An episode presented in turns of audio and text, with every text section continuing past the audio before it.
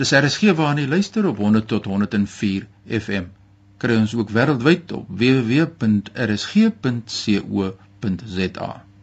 Ek het onlangs gelees of gehoor dat daar verwys word na die woord terapiehonde. Nou wat is terapiehonde? Piet het twee keer saam met ons en hy gaan vir ons meer vertel oor hierdie inisiatief. Welkom by RSG Piet.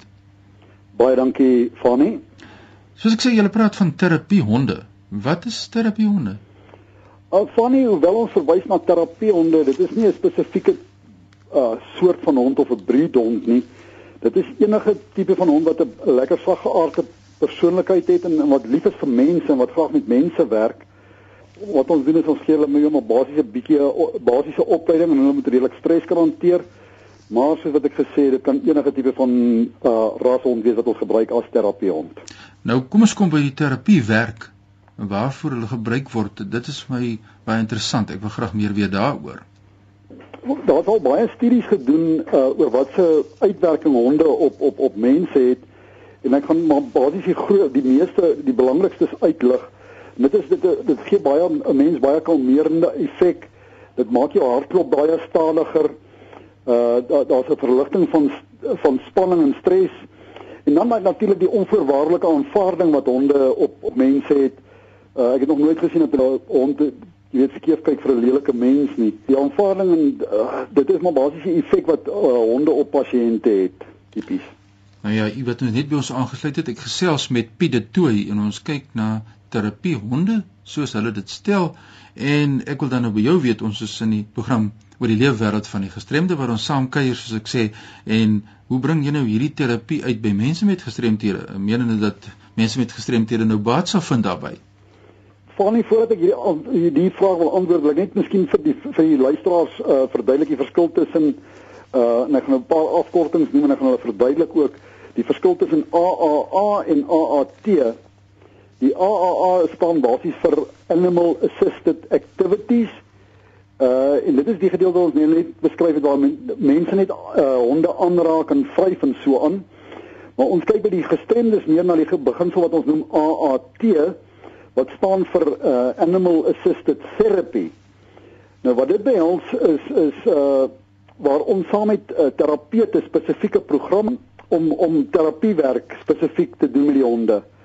Uh die voorbeelde wat wat wat gestremdes voordele hieruit kry is tipies die sosiale interaksie wat verbeter uh veral met uh pasiënte met outisme.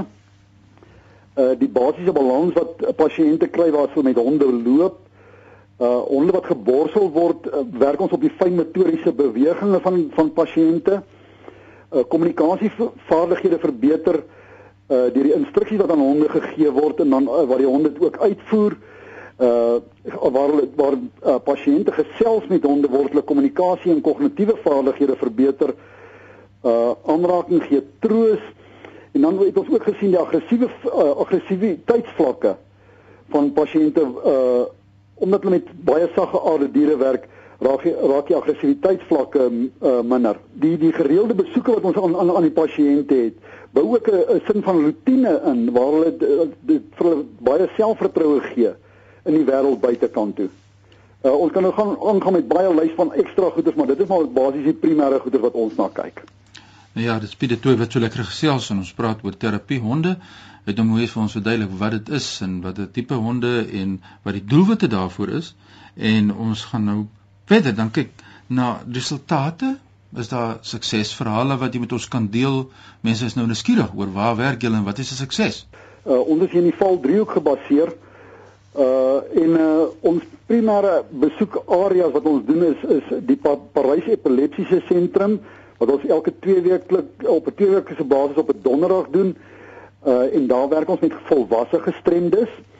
Dan besoek ons al die tweede woensdag besoek ons die Wings for Life skool vir autistiese kinders en die June Nichols skool vir cerebraal gestremdes. Nou ek gaan nou vir julle 'n paar suksesstories met jou deel. Ek dink die eerste een wat ons kan oor praat is wat ons al reeds so rukkie terug op RSG met van die mense gedeel het was Wouter. Uh ek wil nou nie die van noem en so aan nie want dit kan dalk sensitief wees. Maar Wouter is omtrent so 3 jaar 33 jaar oud. Uh en hy is gebore met die fetale alkoholsindroom.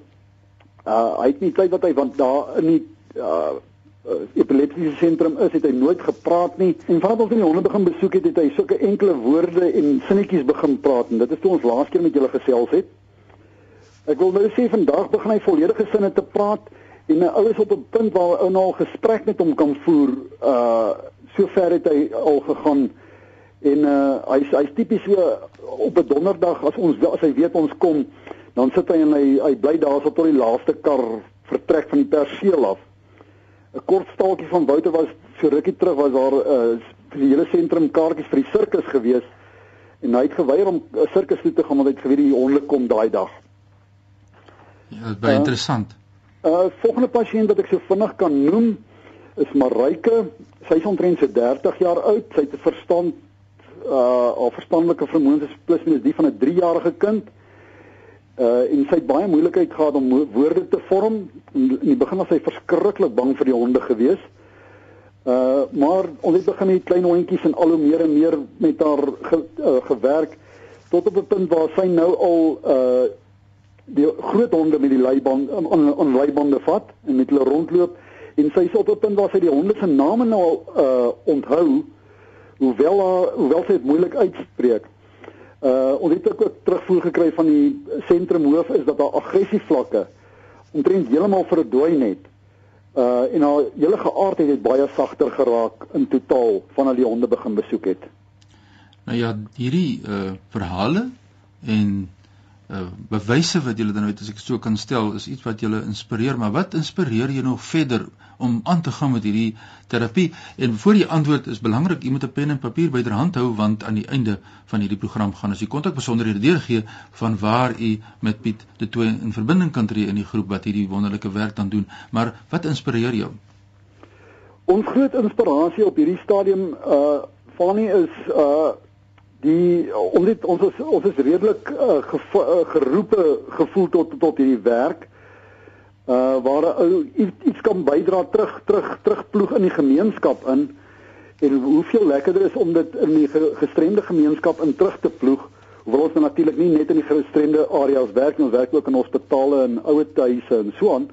Maar dit is lekker om hierdie om om om terug te ploeg in die gemeenskap En ek wil net daarom dadelik ook sê, jy weet, uh voordat ons enige eer van na ons toe vat, wil ons sê dat uh uh ons wil die eer aan die Here gee oor oor uh dat ons basies maar net 'n tool is in sy hande.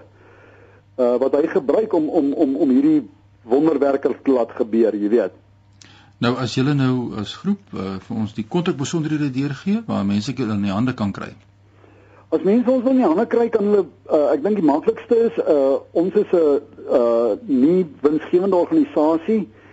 En hoekom ek dit noem is dat hulle onthou dat ons is hulle kan ons op die webwerf in die hande kry by www.caringfriends.org.za Ek kan net herhaal www.caringfriends.org.za Dis uit die aard van die saak ook die naam van julle organisasie. Herhaal hom net weer die naam van die organisasie. Uh ons is Caring Friends Therapy Dogs.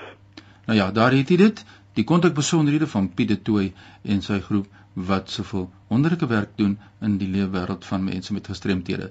Baie dankie dat jy met ons gesels het en nou ons op hoogte van die vordering daar by julle. Ons is, ons praat weer graag met julle en ons sal nog baie ander voorbeelde wou gee, maar soos wat jy weet, hier is 'n onderwerp wat ons baie lank kan oor gesels maar baie dankie vir die geleentheid. Nou ja, daar het jy dit. So leer ons deur na mense te luister en mense neem deel aan hierdie program. Mense stuur e-posse. Baie dankie vir die e-posse wat ons ontvang van mense. Iemand skryf hier 'n luisteraar wat sê anoniem ek wil graag weet hoe kyk ons mense met gestremthede na die lewe? Hoe kyk ons na onsself? So dis 'n baie interessante vraag en ek het 'n bietjie gaan lees.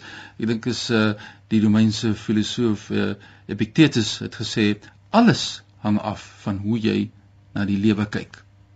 Alles hang af daarvan. Hy sê jy moet kyk en jy moet weer kyk.